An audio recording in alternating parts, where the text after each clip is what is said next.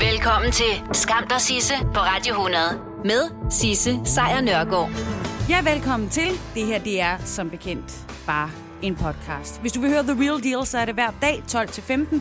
Men nu har jeg altså samlet det, som jeg synes, der er skamløst godt fra sidste uges program i en podcast til dig. Hey, det var så lidt. Skam der Sisse på Radio 100 præsenterer Skamløse fornøjelser. Hendes kongelige højhed, majestaten, dronning, dronning Margrethe, Daisy, runder et skarpt hjørne. Og det sker jo altså på torsdag, hvor hun fylder 80 år. Hun har jo som bekendt aflyst alle festligheder, så har hun jo i øvrigt også, hvilket jeg synes var super øh, sødt, bedt os om at sende de blomster, vi måske bliver sendt til hende, til de ældste i samfundet i stedet for.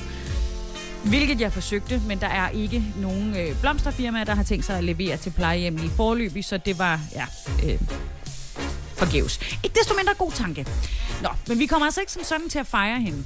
Men øh, til trods for, at hun ligesom været ude at sige, at øh, klimaforandringer ikke nødvendigvis er menneskeskabte, og fik noget røg for det her i påsken, så tyder noget på, at vi lige nu mere end længe elsker hende som vores dronning. Hun er nemlig populær som aldrig før. Det er en ny Kantar Gallup-undersøgelse, som Berlingske har fået lavet, øh, og der svarer hele 84 procent, at de i høj eller i nogen grad værdsætter det danske kongehus. Og selv den her årlige apanage, som der jo jævnligt får rigtig store dele af befolkningen til at hisse sig helt op i det røde felt, øh, så er der faktisk rigtig bred opbakning til, til kongehuset. 59 procent svarer, at dronning Margrethe er sin apanage på 87,6 millioner kroner værd det er mange mennesker, der synes, at det er helt a-okay, at det er rigtig mange penge, der går til hende. Dronning Margrethes liv er jo et liv, der er bundet op af traditioner. Og dermed så var det jo ikke på nogen måde business as usual, da hun øh, her i øh, marts, altså tidligere i marts, øh, 17. marts var det, tonede frem på, øh, på vores tv-skærm for at tale om, øh, om coronavirusen. Hun sagde på det her tidspunkt, at man kan stadig se grupper i alle aldre, som øh, opholder sig for tæt sammen. Nogle holder endda stadigvæk fester og runde fødselsdage. Det synes jeg ikke, man kan være bekendt. Det er tankeløst, og det er først og fremmest hensynsløst. Og det, at hun sagde de her ting, faldt i ufattelig god jord hos os danskere. Ifølge den her undersøgelse, så er 90% enige eller overvejende enige i, at det var positivt, at dronningen holdt den her tale. 88% er enige eller overvejende enige i, at dronningen var overbevisende i sit budskab om, at det er en farlig sygdom. Og 90 procent af os er enige eller overvejende enige i, at dronningen var overbevisende i sit budskab om, at vi alle skal tage hensyn og holde os fra socialt samvær. Hvorefter vi jo så alle sammen med kassetters foran fjernsynet og se en masse genudsendelser af alt muligt lækkert, der er blevet lavet med hende de sidste mange år, kommer nok til at ske, og så fejrer hendes øh, fødselsdag hver især derhjemme på torsdag. Der findes vel snart ikke et eneste menneske tilbage herhjemme, som ikke ved, hvem Joey Exotic er. Men hvis det eneste menneske lige nu lytter til radioen, jamen så fat ro. Han er hovedkarakteren i en sindssyg dokumentar på Netflix, som altså virkelig har taget hele verden med storm under den her krise. Det er en dokumentar, som giver indblik i en subkultur i USA, hvor nogle mennesker er blevet, øhm, ja, man kan vel godt kalde det besat af store katte, altså løver og, og tiger og i den dur men endnu mere besatte af hinanden, og hvem der har gjort hvad, og hvem der står for hvilke mor. Det er øh, en crazy serie. Og så er der musikken. Musikken, som øh, hovedpersonen Joey Exotic, han ligesom påstår, han har indspillet til trods for, at det, det har han ikke. Men, men det vender jeg lige tilbage til. Den musik, den hører man ind imellem i uh, dokumentaren. Og, det, til at begynde med, så kan man godt sådan sidde og grine lidt af det. Men så på et tidspunkt, når man ligesom er en 3-4 afsnit inde, så begynder man at tænke, okay, men det er jo egentlig ikke, altså det er jo ikke dårligt. Det kan godt være, at teksten er lort, men, men det er jo ikke dårligt, og videoen til er jo en kæmpe fornøjelse at kigge på. Og den musik, den er råd på Spotify. Det gjorde den øh, på samme tid, som øh, dokumentaren røg på Netflix. Og derfor så er det jo også målbart at finde ud af, hvor mange der lytter til det, og hvem der lytter til musikken. Og hvor i verden tog man så den her musik til sig først? Det er jo i Danmark. Det er simpelthen hos os. Ifølge Spotify, så var det hos os i Danmark, at vi først altså simpelthen kastede os over al den musik, som Joey Exotic har lavet. Vi var dem, der var hurtigst til at tage musikken til os. Og efter os, så var der fans i England, Irland og Island, som kastede sig over det her mageløse øh, stykke øh, country øh, heaven, der simpelthen er blevet... Altså det er det er ren porno for øregangen. Så det bliver vi nødt til at sige. Amerikanerne er selvfølgelig dem, der har lyttet mest til musikken, og det er jo selvfølgelig også, fordi de er mange flere, end vi er. Og Spotify siger også, at øhm, de sidste to uger, så er Joey Exotics øh, musik simpelthen steget 18% dagligt i streaming. Det er sådan rimelig voldsomt. Det er et kæmpe hit, med andre ord. Og hvem er det så, der lytter til det herhjemme? Det er primært folk i alderen 25-35. De streamer musikken, og det er altså også noget, de streamer til trods for, at de godt ved, at Joey Exotic altså ikke indspillede det her musik selv. Det, det kommer måske for nogen som et chok, men det er ikke Joey Exotic, der synger. Hvis man har lyttet til hans stemme i dokumentaren, så kan man godt høre, at han er meget mere nasal end den mand, der har sunget for ham. Og det er altså også fordi, at den mand er en del af det, der hedder The Clinton Johnson Band. Og øh, de håber selvfølgelig også, at de på et eller andet tidspunkt kommer til at kunne mærke den her enorme succes, som deres arbejde for Joey Exotic ligesom har, øh, har medført. Og så tider du så og tænker, men okay, fint nok, Sisse. Hvad er det så for noget musik, øh, det hele handler om? Og det kan jeg da godt fortælle dig. Eller ikke, endnu bedre, jeg kan faktisk spille det for dig. Her kommer I Saw a Tiger.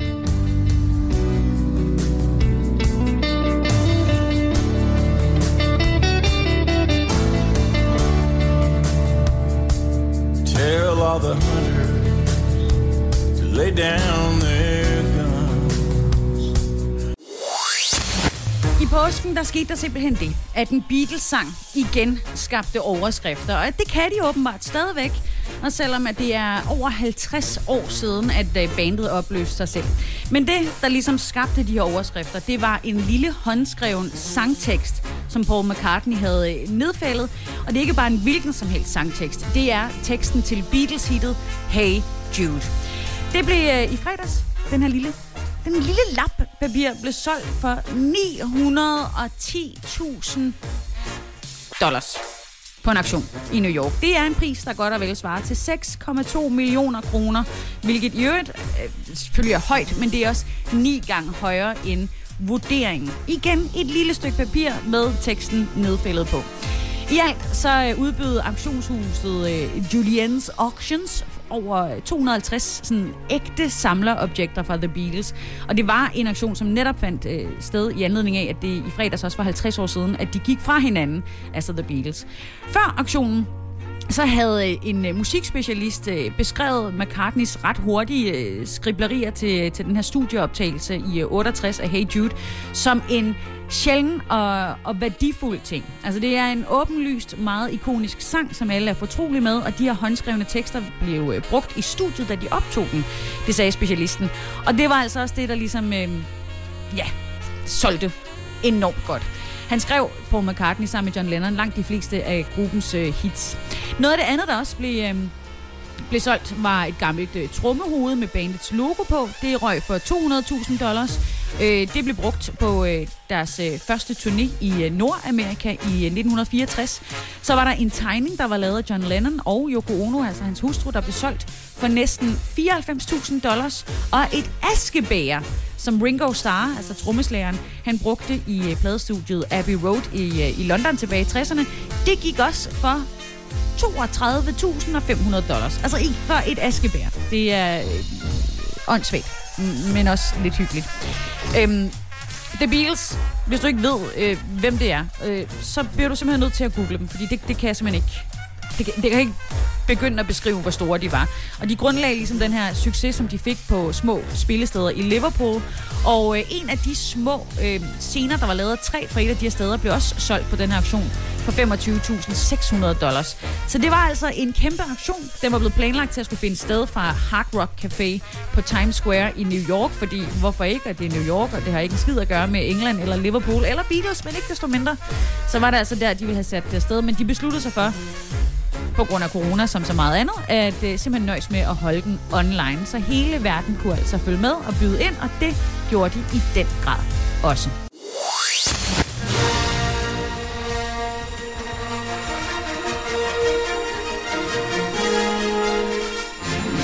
Så er der nyt, nyt fra vores allesammens univers, for i en galakse langt, langt borte, der er vi nu simpelthen stødt på dronningen af supernovaer. Sammen med en øh, gruppe internationale forskere, så har danske astronomer simpelthen fundet en supernova, der lyser meget kraftigere og i længere tid end alle andre supernovaer, der nogensinde er blevet observeret. Det er en meddelelse, der er kommet i dag fra Københavns Universitet, og i den pressemeddelelse, der kalder man altså supernovaen her for dronningen af alle supernovaer. For når en stjerne, der har mindst 8 gange mere masse end solen, den dør, jamen så sker det i en voldsom eksplosion. Og det er en eksplosion, som vi kender i dag som en supernova. Det sker cirka en gang hvert 100 år i vores galakse, som vi jo kender som Mælkevejen.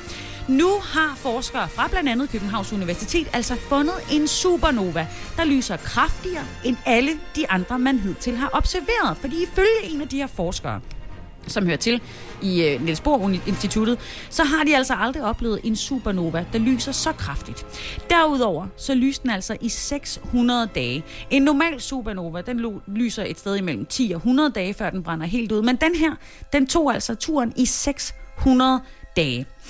Udover den her supernova, som har fået navnet SN216 APS, den lyser dobbelt så hurtigt som de normale øh, supernova, eller ikke dobbelt så hurtigt, men dobbelt så kraftigt som de normale supernovaer, så har den en eksplosionskraft, der er fem gange så voldsom som en almindelig stjernes død. En så lysende og så kraftig eksploderende stjerne har rumforskere altså aldrig oplevet før. Og det helt store spørgsmål er jo så, hvordan kan det så lade sig gøre? Ifølge de her forskere, så viser den energi, der er kommet fra eksplosionen, at den her stjerne har haft en masse på omkring 50 til 100 gange solens. Her i baghovedet, at en normal supernova er cirka 8 gange større, måske lidt mere. Men det her det er altså 5 til, uh, undskyld, 50 til 100 gange større end solen. Men hvis den har haft det, så er det alt for meget brint, der er tilbage, da den eksploderer. Normalt så brænder gassen hurtigt ud, når en stjerne ligesom eksploderer og dør. Men for den her særlige supernova, der var niveauet højt helt til aller sidste lysglimt. Og det tyder altså på, at der var to stjerner med højt indhold af gas, som altså er smeltet sammen til en. Det er i hvert fald det, som de kloge astronomer de er ude og forklare. Men de siger også, at det er ikke sikkert. Det er ikke 100% sikkert, at det er sådan, det hænger sammen. Fordi det er bare en teori, at det er en sammensmeltning af to stjerner, og det er ligesom at det, der er årsagen til den her helt særlige supernova.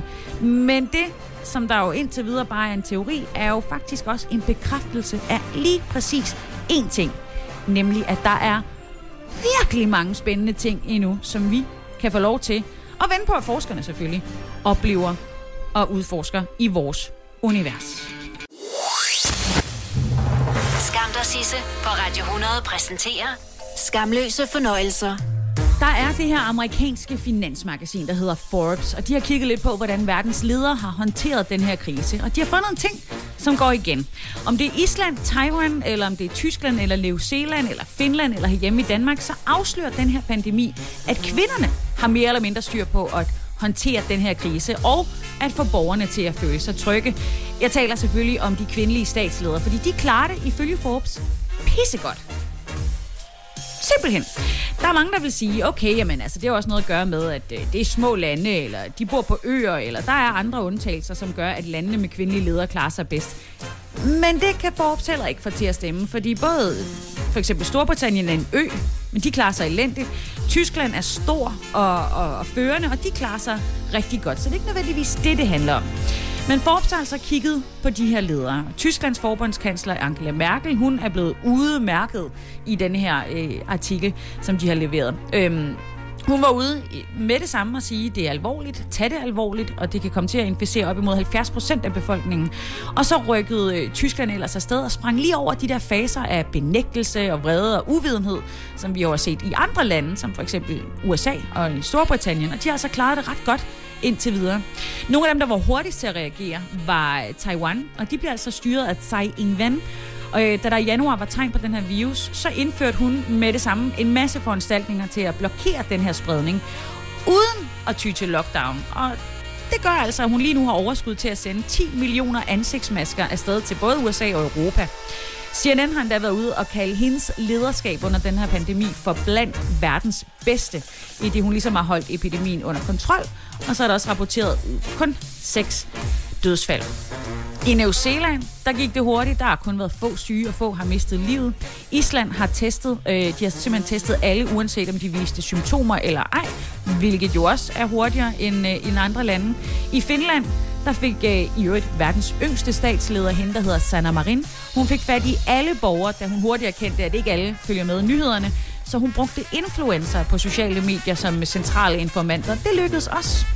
I øh, Norge, hvor de jo også har det nærmest for fedt, der har Erna Solberg jo lavet direkte tv til børnene. Altså et pressemøde, hvor der ikke var nogen voksne, der fik lov til at være med. Og så svarede hun kun på børnenes spørgsmål og tog sig tid til at forklare, hvorfor det var okay at føle sig bange. Og det er derfor blandt andet, at Forbes-magasinet mener, at de kvindelige ledere har klaret sig mere end strålende, og noterer, at det generelt ser ud til, at empati og omsorg som leder faktisk er det, der fungerer. Især når du får måske lige sammenligner med nogle af de andre ledere, vi kender derude, der bruger den her krise til at ja, fremskynde en eller anden form for skræmmende hverdag og bebrejde andre for sygdommen, eller demonisere journalister og sørge for at fjerne demokratiet, så de kan blive siddende for evigt. Jeg vil ikke nævne nogen navn, men altså Bolsonaro kom ud. Øh, der, ja. Ikke desto mindre, nu har vi jo i mange år tænkt, at kvinder skal være som mænd for at være stærke ledere. Så må vi bare konstatere, at det kunne være, måske, at mændene kunne lære lidt af kvinder i dag. I dag der åbnede øh, mange skoler og mange institutioner landet over. Ikke dem alle bevares, men nogle af dem gjorde. Og vi var blandt de heldige, der kunne få lov til at sende en meget, meget spændt femårig afsted for første gang i skolefritidsordningen. Nå, Ellie, hvad skal vi? Vi skal i, i, i fritten. I fritten? For Ja. første gang? Ja, Og øh, har du kunnet sove i nat? øh, det ved jeg ikke. Har du haft lidt ondt i maven? Jeg, jeg, jeg har glædet mig virkelig meget. Ja. Hvad har du glædet dig allermest til? Bare kom i skolen. Bare at komme i skole, ikke? Der skal det virkelig blæse så meget. Det er da også utroligt på din dag. Hvordan har det været at være hjemme med en hel måned med mig og mor? Rigtig irriterende. Rigtigt. Jo, jeg kunne øh, måske tale med mine venner lidt, men stadigvæk kedeligt. Og hvad, hvad har du øh, med i øh, tasken i dag? Øh, pølsehorn. Jeg har, også, jeg har en madpakke med to pølsehorn og, og nogle agurker og gulerødder og, og øh, en myslibar og sådan noget. Og noget drik også? Ja, noget, nej, noget vand, det har du slet ikke taget med. Og jeg har taget vand til dig også. Godt. Og hvad tror du, du skal så? Øh, over at lege Ja? og sådan noget. Ja. Hvad er det gode ved at skulle til at starte i fritidsordning nu? Øh, øh, det er fordi, så, kan man, så behøver man ikke at være helt alene hjemme. Men er der så noget skidt ved det også? Ja, fordi jeg ikke kommer til at se min bedste veninde, selvom jeg kender fire, der skal gå der. Ja. Ja. Det kan jeg godt se. Alt det her med, at alle folk, alle de voksne, de snakker om virus og virus og virus og virus. Ja, Hvad synes du, at du har mærket, der har været anderledes det sidste stykke tid? På grund af Ikke det noget. virus? Ikke noget? nej. Det er hver dag. Stå op, spis morgenmad. Man må ikke gå ud. Man skal bare blive hjemme. Hver dag. Kan du huske det der med, at du ville give knus en aften, vi havde øh, nogen på besøg? Ja, Og så, nå nej. Det måtte man ikke. Så der er noget, der er lidt anderledes. Det skal man også have over i skolen, ikke? ja. Men det får I helt sikkert at vide. 100 gange. 100 gange måske. Hvad Nej, sker endda der hele tiden, 1000. ikke, Ellie? Ja, hver eneste gang man skal, man har været ude på legepladsen. Ja, nå, men det er jo det samme over i børnehaven hver dag, selvom der ikke er sygdom. Du er trænet. Ja, jeg ved godt, hvordan det gør. I, i, I starten så nøjes vi lige med, med, en, med en almindelig bitte, lille bitte revtaske. Ja, Ja. den er fint til at starte. Når du begynder i skole, så skal vi jo kigge på en rigtig skoletaske, ikke? Ja, en rigtig flot en. En stor en. Den skal godt nok være stor. Den skal være, jeg, kan, jeg har set mange omvandrende skoletasker. Hvor det bare er en stor skoletaske, og så er der sådan to små ben neden. Fordi de, de små nye, de får de store nye tasker. Så, så var vi der. Det føles som om, jeg har fået røde kinder. I røde hoved. Endelig sammen med andre børn, hva'? Det er nogen, som jeg slet ikke kender. Men det kommer du jo til. Det er jo det fede.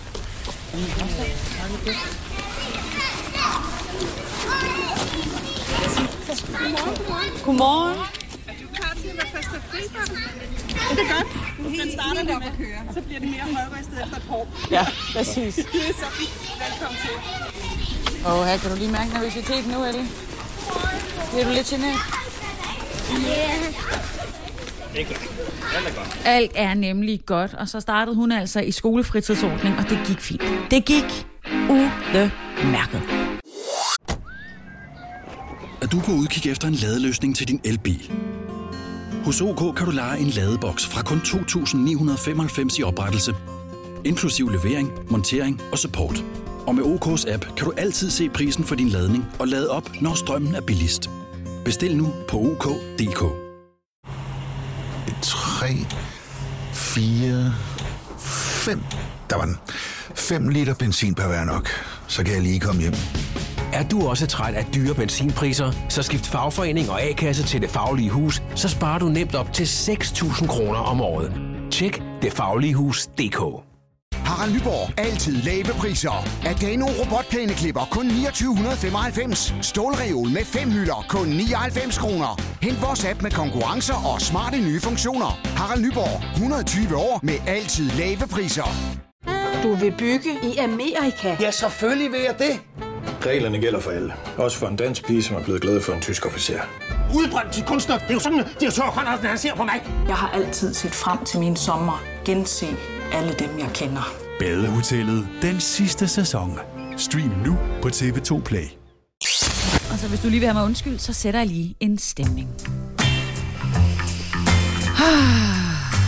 Ja, sætter lige den her stemning ordentligt, ikke?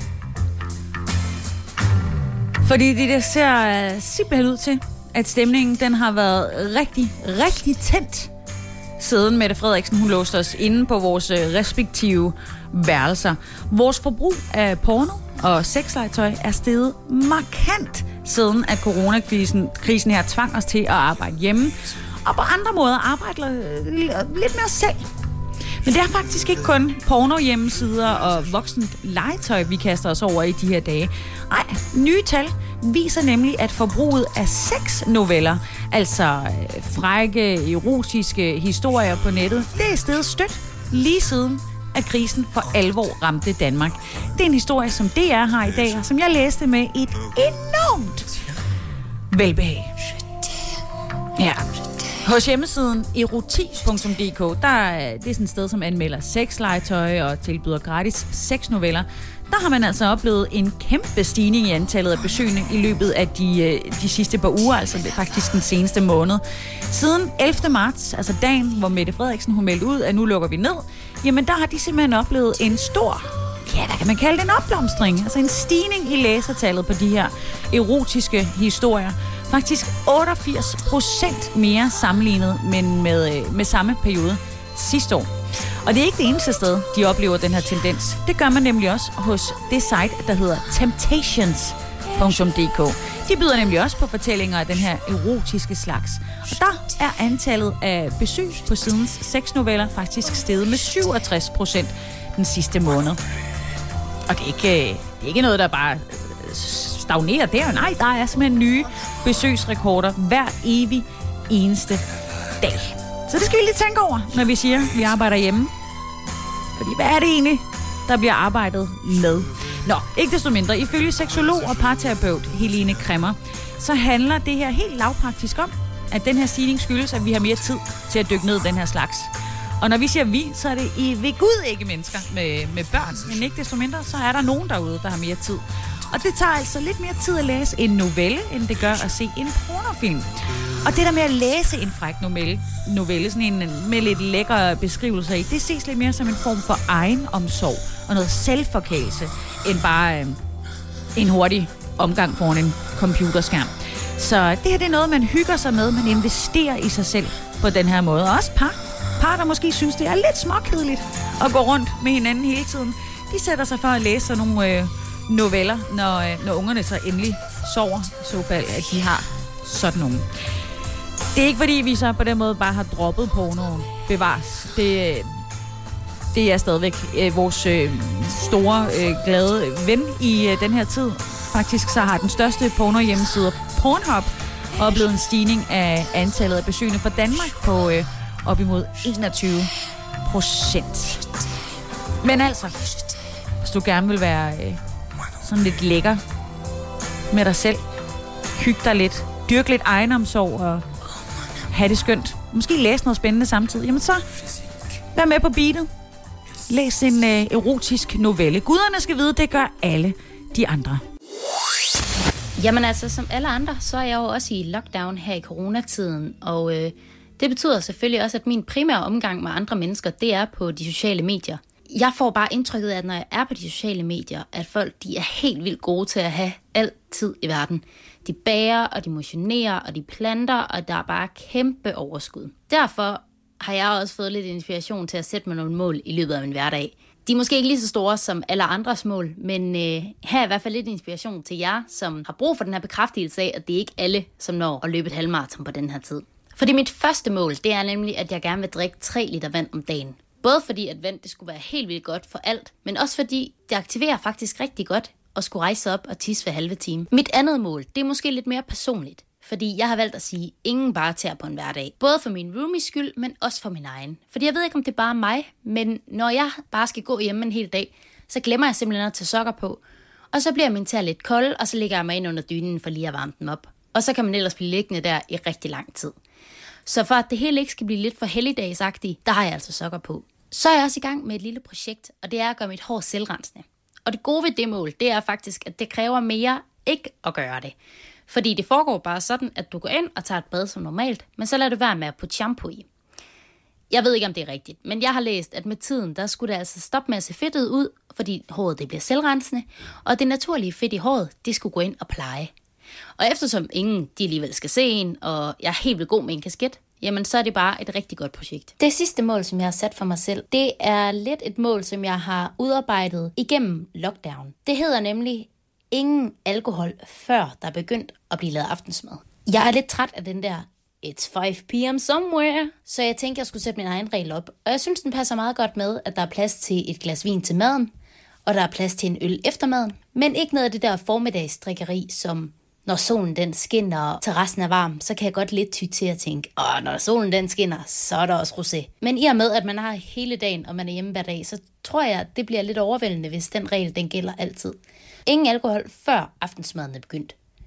Og bevares, hvis øh, aftensmaden den står på simmeret, jamen så er det en tidlig dag at begynde på, men sådan er det. Regler er regler. Ja, det var øh, mine fire mål, som jeg har sat for mig selv her i løbet af lockdownen.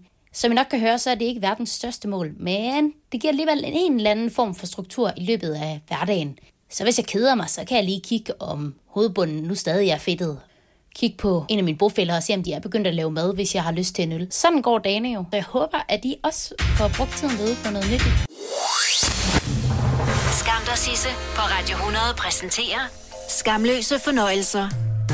I dag, der fejrer vi på bedste pandemi manér af vores dronning, hendes kongelige majestæt, dronning Margrethe, a.k.a. Daisy, har været med os i 80 år. Altså en kæmpe boss for landet. Og det er jo et eller andet sted hammerne ærgerligt, at vi ikke kan stå klumpet sammen foran hendes balkon, som det jo passer sig, når majestæten fylder år.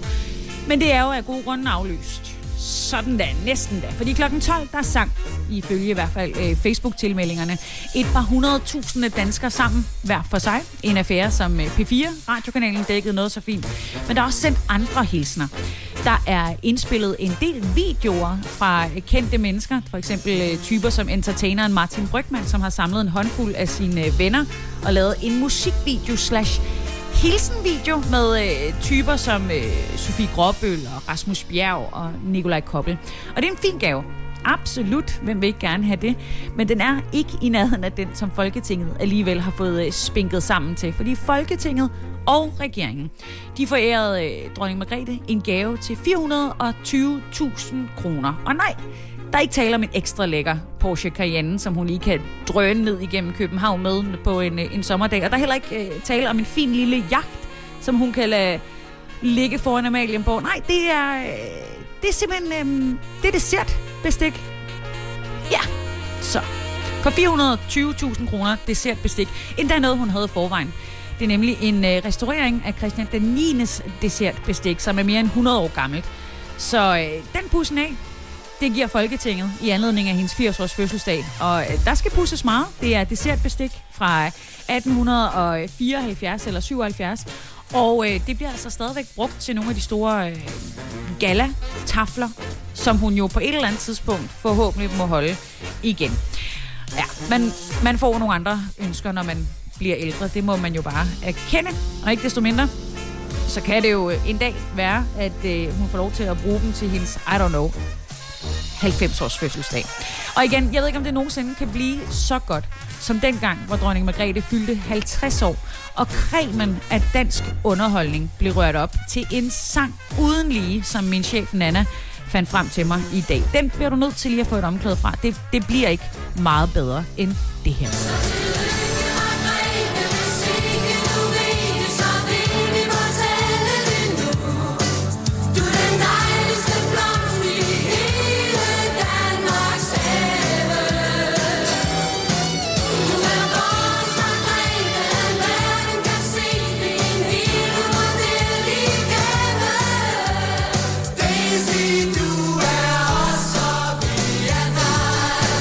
Skulle det altså lyde 1990, da dronningen fyldte 50 år, og øh, sådan skal det ikke lyde i dag. Skam dig, Sisse, på Radio 100 præsenterer dagens skamløse øjeblik. Ja, nu har jeg jo øh, været ret tydelig omkring, at jeg sender fra Nørrebro i København, og det har jeg gjort i en måned, og det fortsætter jeg formentlig med i en måneds tid endnu. Og det er fint nok, det er fint. Men det er jo ikke sådan videre eksotisk, som et radiostudie jo kan være. Eller, ja okay. Men ikke desto mindre, så synes jeg ikke, at det er super eksotisk. Eller det var i hvert fald, hvad jeg øh, synes indtil i går. For i går skete der noget, som i den grad har rykket rundt i min trygge verden. Og ja, en ting er, at vi har en verdensomspændende krise. At mennesker dør af en sygdom, som vi ikke har en vaccine imod, og som vi reelt set ikke rigtig ved, hvor gralt det står til med. En anden ting er, at der blev fundet en kongepythonslange i mit kvarter i går. En ægte kongepythonslange på cirka en halv meter i frit terræn på Nørrebro i København. Nu har jeg selvfølgelig slået op, hvad er det her for et stykke dyr? Øh, en kongepyton er ifølge Wikipedia kendt for sit milde temperament, hvilket har været med til at gøre den til en populær slange at holde i fangenskab. Den bider sjældent. Et bid føles som at skære sig på et stykke papir. Den øh, foretrækker dog at rulle sig sammen til en kugle og gemme sit hoved, når den føler sig truet. Og det er også derfor, man også kalder den ball python, eller på dansk en kugle pyton, Og det er en, øh, en slange, der er aktiv om natten og foretrækker at ligge og gemme sig om dagen. Men enhver ved jo, at man ikke kan stole på Wikipedia. Altså, det er ikke et ægte opslagsværk. Så bare lad være med at have din slange øh, uden for din spor. Tak. Altså, det er, det er en slange, som øh, godt være, den er håndterbar, men den er ikke tam. Den, det er ikke sådan en tam slange, der godt kan lide at kæle med folk. Den er, det er en slange. Og selv Indiana Jones er øh, redselslagen, når det handler om slanger. Og det var øh, i øvrigt også et kæmpe skud til den kvinde, der opdagede den her slange i går på, øh, på Nørrebro. Vagtchefen for Københavns politi siger, at øh, en kvinde så slangen ligge i et buskads, ringede sig til politiet. Politiet kontaktede dyreværnet, fordi God knows, de skulle ikke røre ved den. Og dyreværnet har altså så hentet den her øh, 50 cm lange kvælerslange, som jo øh, er vant til lidt varmere temperaturer, end, øh, end vi har i, øh, i København i de her dage. Det kunne også mærkes på den. Den var afkølet, den var sløv, og de forsøger nu langsomt at varme den op, men det er ikke sikkert, at den kommer til at overleve det her. Så de vil meget gerne i kontakt med slangens ejer. Øh, simpelthen. Kontakt lige politiet, hvis du går og mangler en slange. Eller dyreværnet, for den sags. Bare bare lige kontakt, og så lige være sikker på, at dit bur, hvis så fald du har andre slanger, er fuldstændig hermetisk lukket. Det vil være øh, super dejligt. Tak for det. Skam dig, Sisse, på Radio 100. Med Sisse Sejr Nørgaard.